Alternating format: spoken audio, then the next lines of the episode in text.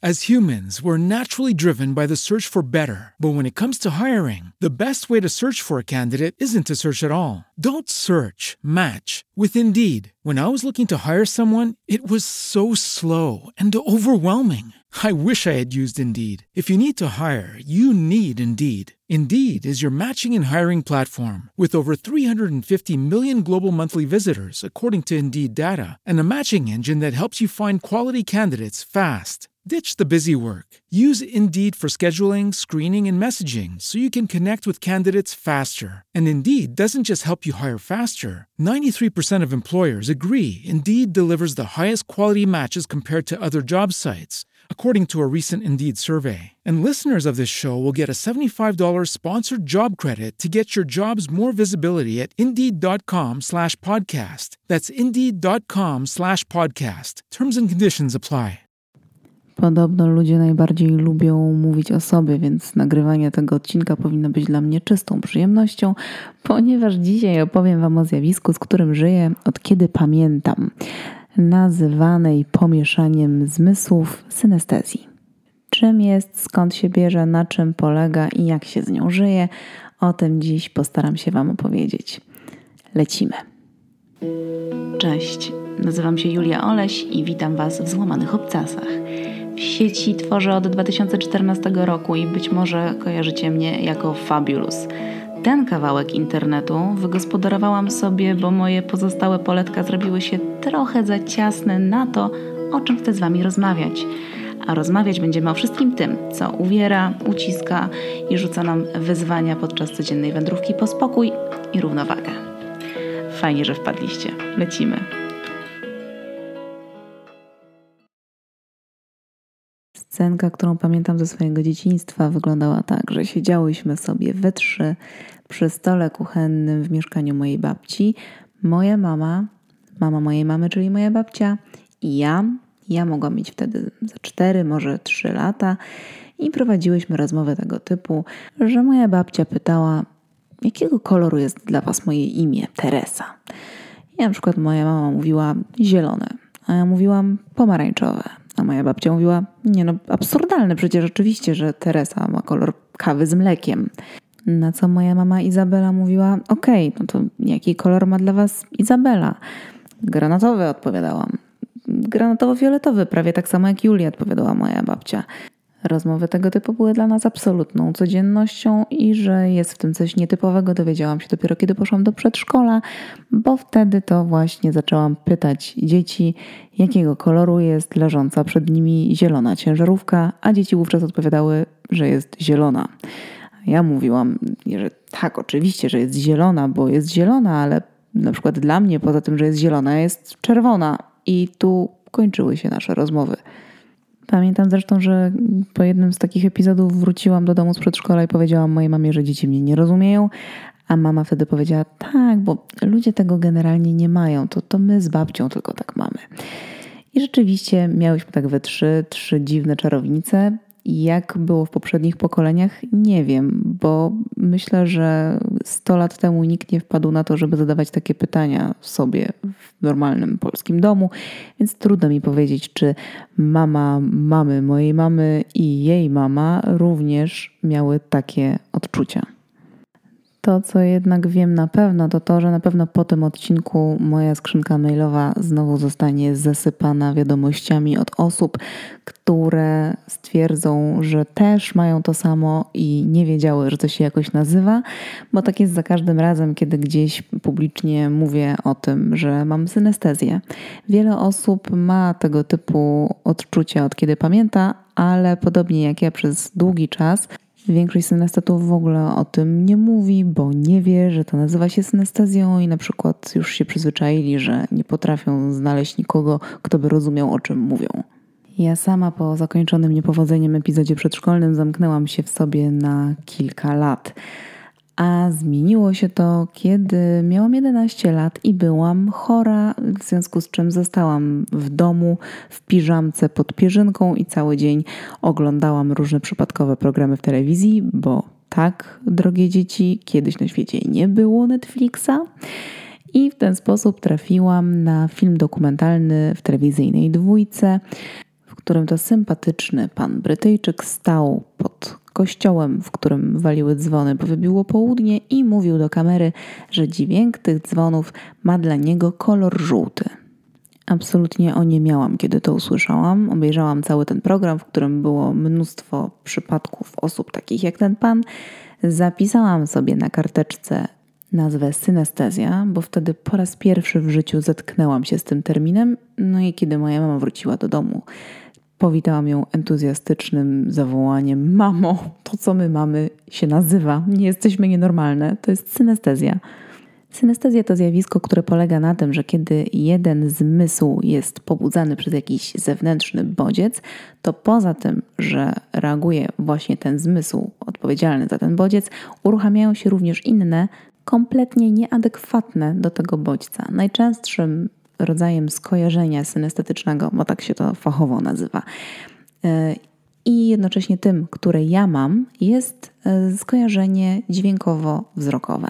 Polega na tym, że kiedy pobudzany jest mój zmysł słuchu, kiedy słyszę muzykę albo czyjś głos, poza tym, że po prostu je słyszę, to również widzę obrazy wywołane przez ten bodziec. Mam przed oczami wizualizacje, które składają się z różnych plam świetlnych, kolorów, kształtów, wzorów, a czasami też szlaczków, ale trochę więcej o tym powiem za chwilę.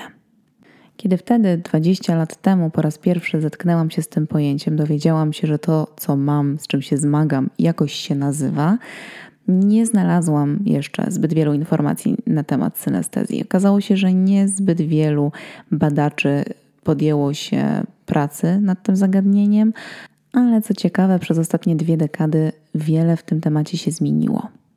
Czym więc jest i skąd się bierze synestezja? Są dwie główne teorie dotyczące tego, jak powstaje. Według tej pierwszej, w mózgu osób, które synestezję mają, jest więcej połączeń między neuronami odpowiedzialnymi za przenoszenie informacji z różnych narządów zmysłu, niż u osób, które tej synestezji nie mają.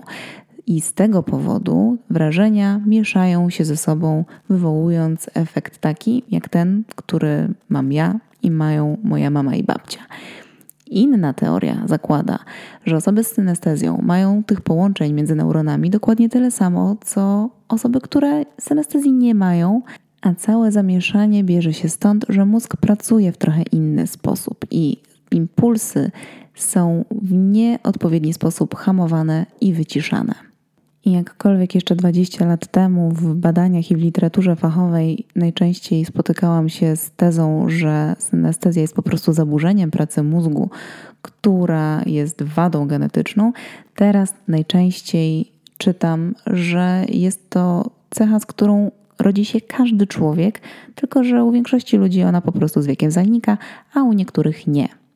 Najsłynniejszym współczesnym badaczem synestezji, człowiekiem, który właściwie całą swoją karierę naukową poświęcił temu zagadnieniu w ciągu ostatnich 30 lat, jest Richard Seitowitz, który na temat synestezji napisał cztery książki popularno-naukowe, wiele prac naukowych, cały czas prowadzi badania na ten temat. Niestety żadna z tych książek nie ukazała się w języku polskim. E, ja sama mam dwie jego książki po angielsku. I one częściowo są skomplikowanym mm, neurofizjologicznym opisem pracy mózgu. Niektóre e, fragmenty są natomiast anegdotami mm, i opisami dotyczącymi tego, jak osoby z synestezją żyją. To właśnie w jednym z opracowań mm, profesora Sajtowica znalazłam tych prawie 20 lat temu taką teorię, że Synestezja jest rodzajem przystosowania w życiu płodowym.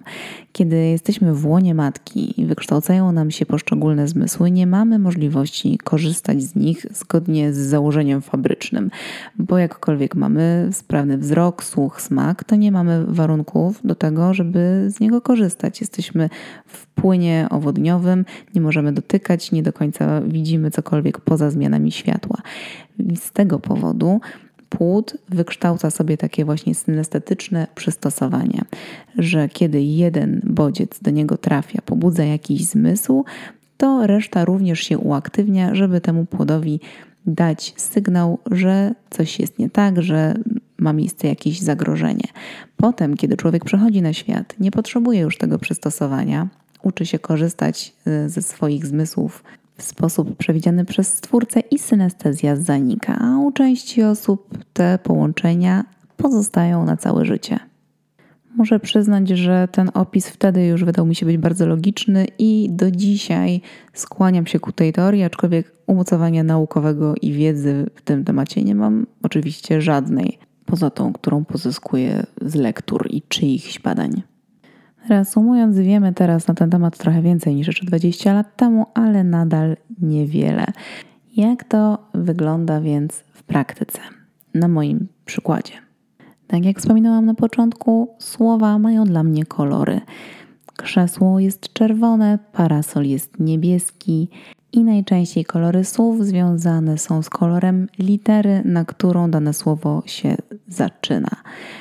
Są jednak wyjątki, bo tak, słowo parasol jest dla mnie niebieskie, bo litera P jest niebieska, ale w słowie pszczoła są dwie głoski esz i czy, które są dla mnie żółte i są na tyle dominujące, że całe słowo pszczoła jest żółte. Swój kolor ma więc dla mnie każde słowo, które słyszę, również imiona, o których mówiłam na początku dzisiejszego odcinka. Ale to, że jakieś imię ma dla mnie kolor, nie znaczy, że osoba, która nosi dane imię, ma dla mnie taki sam kolor, ponieważ jakkolwiek słowo Teresa jest dla mnie pomarańczowe, moja babcia Teresa ma dla mnie głos o kolorze jarzębinowo-czerwonym, dlatego moja babcia jest dla mnie jarzębinowo-czerwona. I tak dotyczy to każdej osoby, jaką poznaję. Każdy człowiek ma dla mnie swój własny, indywidualny, dość skomplikowany kolor, który jest związany z tym, jak brzmi dla mnie jego głos. I jakkolwiek ten kolor jest dla mnie niezmienny przez całe życie, czyli moja babcia zawsze będzie dla mnie jarzębinowo-czerwona, to na ten kolor główny nachodzą jeszcze filtry. I te filtry są pochodną tego, czy ten ktoś do mnie mówi aktualnie głosem wyższym czy niższym, czy ma chrypę, czy obniżył mu się głos z wiekiem, czy krzyczy, czy szepcze, czy śpiewa. Ponadto, z tego co zauważyłam, zazwyczaj ten kolor jest związany z dominującą cechą charakteru osoby, z którą rozmawiam. Dlatego ktoś może mieć kolor bazowy, na przykład miętowy, a na to może nachodzić szary filtr z fakturą miękką, chropowatą, ostrą. Mogę mieć odczucie ciepła albo zimna. Czy ułatwia mi to kontakty interpersonalne? Teoretycznie powinno, nie zawsze tak jest, aczkolwiek nauczyłam się na przestrzeni lat i już temu odczuciu ufam, chociaż próbowałam z nim kiedyś walczyć, że wszystkie osoby, które są białe albo cytrynowo-żółte, okazują się być dla mnie bardzo niedobrymi, toksycznymi ludźmi. Poza ludzkim głosem, poza rzeczownikami i literami, kolory i swoje osobowości mają dla mnie również cyfry i liczby. I tak na przykład jedynka ma dla mnie kolor biały i jest niesympatyczna i trochę zadufana w sobie. Dwójka ma dla mnie kolor jasno-niebieski, bardzo podobny do piątki, aczkolwiek piątka jest ciemniejsza. Dwójka jest bardzo sympatyczna, ale trochę zamknięta w sobie. Trójka jest żółta, trochę nieodpowiedzialna i nieracjonalna. Czwórka ma kolor czerwony, taki sam jak krzesło i jest bardzo asertywna i stanowcza. To, co jest bardzo ważne, to to, że każdy synesteta ma inny zestaw swoich skojarzeń. To, że dla mnie czwórka jest czerwona, jedynka jest biała, nie oznacza, że dla kogoś innego, kto ma synestezję, będą mieć te liczby takie same kolory. Każdy ma swój własny zestaw, ale to, co nas łączy, to to, że kiedy widzimy liczbę w kolorze nieodpowiednim dla nas, innym niż kolor, z którym kojarzymy tę liczbę, odczuwamy bardzo silny dyskomfort. Czyli gdybym ja teraz zobaczyła przed sobą wielką zieloną czwórkę, miałabym z tym naprawdę bardzo poważny problem. Jako ciekawostkę dodam zresztą, że w każdym artykule, w każdej publikacji na temat synestezji autorzy próbują swoim czytelnikom przedstawić coś na kształt wizualizacji. I dlatego wtedy właśnie pokazują przykładowe zestawienia kolorystyczne i to są zawsze dla mnie bardzo nietrafione i przykre zestawienia. Nie jestem w stanie patrzeć na te propozycje. Ale skoro mam dźwiękowo wizualne skojarzenie synestetyczne, to oczywiście bardzo silnie reaguje na muzykę. Za każdym razem, kiedy słyszę dowolny utwór muzyczny, mam przed oczami wizualizacje, które składają się z barwnych plam świetlnych, wizualizacji trochę podobnych często do tego, jak wyglądały wizualizacje w starym Winampie. W latach 90. bardzo popularnym odtwarzaczem muzyki był Winamp i tam były takie właśnie wizualizacje szlaczkowe, które skakały, zmieniały się kolory. Jest to chwilami, miejscami podobne do tego, co widzę ja. I oprócz tego mam czasami wybuchające takie kwiaty, mm, ruchome obrazki, figury. Różnie reaguję na różne piosenki. Wiąże się to zresztą czasami z dość zabawnymi sytuacjami, bo są piosenki, które działają na mnie niezwykle intensywnie. Przykładem takiej piosenki jest utwór zespołu U2 Until the End of the World. Tam jest fragment takiego gitarowego solo, który swego czasu sprawiał, że kompletnie traciłam panowanie nad sobą. Miałam przyspieszony oddech, zaczynało walić mi serce. Było to mocno abstrakcyjne, ale również poniekąd niebezpieczne, bo ja wtedy jako nastolatka byłam początkującym młodym kierowcą i nie byłam w stanie prowadzić samochodu, kiedy słyszałam to solo. Utworów, które dają taki efekt, na szczęście nie ma zbyt wiele, a nad tymi, które mnie tak obezwładniają, nauczyłam się panować. U mnie kluczem do sukcesu okazało się po prostu słuchanie w kółko, w kółko tych piosenek tak długo, aż to e, wrażenie przestało być tak intensywne. Dlatego spokojnie, kiedy wsiadam do samochodu, możecie wychodzić na ulicę. Nie jestem zagrożeniem na drodze, ale kiedy miałam 19 lat, do śmiechu mi nie było. Rodzajów synestezji jest wiele i pary zmysłów, które się ze sobą łączą i mieszają, mogą być różne. Zdarza się też, choć naprawdę rzadko, że miesza się ze sobą nie para zmysłów, a na przykład dwa albo nawet trzy. Są osoby, które na przykład pod wpływem muzyki, dźwięku czują zapachy albo smaki. Są osoby, które czując jakiś określony smak albo zapach, widzą kolory. Co jednak łączy większość osób z synestezją, a teoretycznie nie ma nic wspólnego ze zmysłami, to dość osobliwe postrzeganie czasu. Pamiętam taką scenkę z dzieciństwa, kiedy miałam znowuż 3 albo 4 lata, kiedy jechałam z mamą autobusem i uczyłyśmy się wtedy dni tygodnia. Mama mnie uczyła, który dzień następuje po którym i w ogóle jak zbudowany jest tydzień. I wtedy właśnie w moim mózgu każdy dzień tygodnia dostał swój własny kolor. Te kolory są dla mnie niezmienne do dzisiaj. I u mnie wygląda to tak, że poniedziałki są żółte, wtorki są pomarańczowe, środy są czerwone, czwartki bordowe, piątki fioletowe jest to zresztą fiolet podobny do fioletu, jaki widzę w swoim imieniu. Soboty są jasno-niebieskie, a niedziele szare. Ale na tym nie koniec, bo dni tygodnia mają też swoje faktury. E, na przykład poniedziałki są ziarniste, wtorki są trochę jak płótno, środy są gładkie i śliskie, e, czwartki są miękkie i aksamitne, podobnie zresztą piątki są trochę jak mm, faktura pluszowego misia, e, soboty są śliskie, a niedziele chropowate. Ponadto, bo tak, na tym nie koniec, tydzień układa się dla mnie w pętlę czasu. Ta pętla to taki trójwymiarowy model. Poniedziałek wychodzi na mnie i idzie łukiem skręcającym w prawo, żeby pójść trochę w głąb. Tam znajduje się wtorek, potem znowu zakręca do mnie jest to środa. Czwartek idzie dalej w prawo, e, piątek jest w lekkim wgłębieniu, a potem idzie to łukiem w górę, skręca w lewo. Na tym zagięciu jest sobota, a potem na samej górze jest niedziela, która pikuje w dół, żeby połączyć się z następnym poniedziałkiem. Najzabawniejsze jest to, że teraz opisując Wam to i robiąc to nagranie, macham tutaj w pokoju ręką, bo nie jestem w stanie tego inaczej zrobić. Po prostu próbuję to narysować tak, żeby Wam to odpowiednio pokazać. Mało tego, za każdym razem, kiedy dzisiaj mówiłam Wam o tym, że coś ma dla mnie fakturę, jest w dotyku śliskie albo chropowate, to za każdym razem pocierałam palcami, tak jakbym chciała tego dotknąć. No, ale to mam zawsze. Tak to wygląda, kiedy chcę komuś opisać te wrażenia. Poza tygodniem taki trójwymiarowy model tworzy dla mnie również rok. Jest to bardzo skomplikowana, ogromna pętla, która idzie od lewej, od dołu, przez różne meandry przechodzi i kończy się gdzieś z prawej na dole.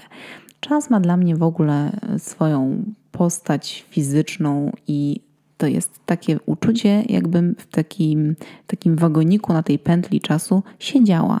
Nie muszę sobie wyobrażać, skupiać się na tym, ja po prostu ciągle gdzieś w którymś miejscu tych różnych pętli siedzę. I jednocześnie jestem w pętli tygodniowej i w tej pętli rocznej. Osobną pętlę tworzy też dla mnie każda doba, więc fakt, że teraz mówię do Was i jest u mnie godzina 15, ma dla mnie bardzo konkretną wizualną formę i nie ma to nic wspólnego z tym, jak wygląda tarcza zegara.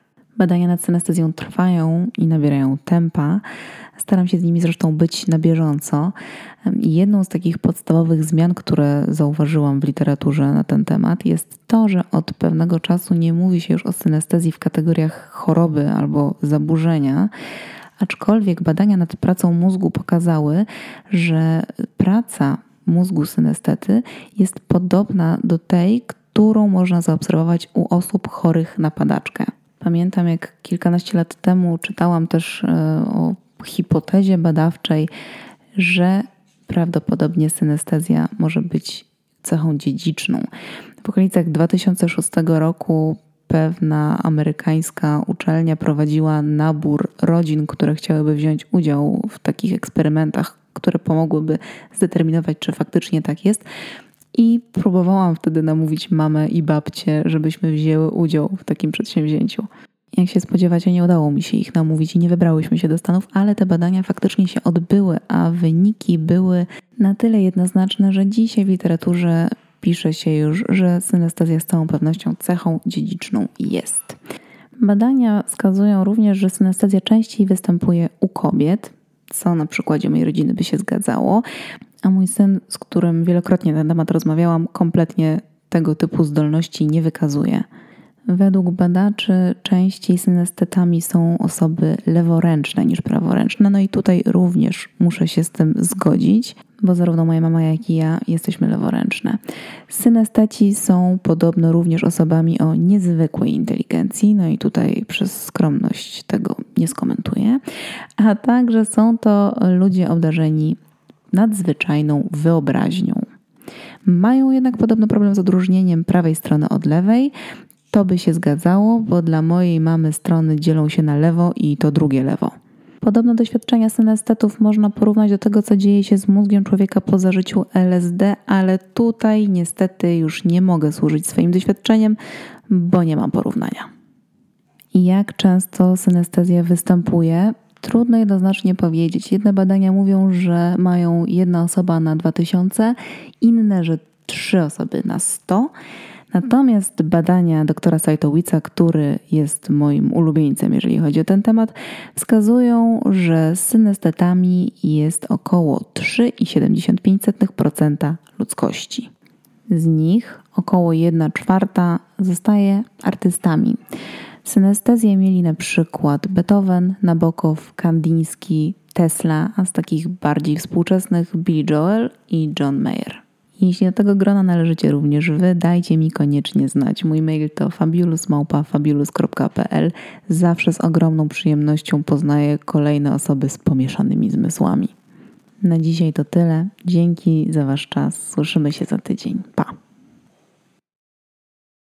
As humans, we're naturally driven by the search for better. But when it comes to hiring, the best way to search for a candidate isn't to search at all. Don't search, match with Indeed. When I was looking to hire someone, it was so slow and overwhelming. I wish I had used Indeed. If you need to hire, you need Indeed. Indeed is your matching and hiring platform with over 350 million global monthly visitors, according to Indeed data, and a matching engine that helps you find quality candidates fast. Ditch the busy work. Use Indeed for scheduling, screening, and messaging so you can connect with candidates faster. And Indeed doesn't just help you hire faster. 93% of employers agree Indeed delivers the highest quality matches compared to other job sites, according to a recent Indeed survey. And listeners of this show will get a $75 sponsored job credit to get your jobs more visibility at Indeed.com slash podcast. That's Indeed.com slash podcast. Terms and conditions apply.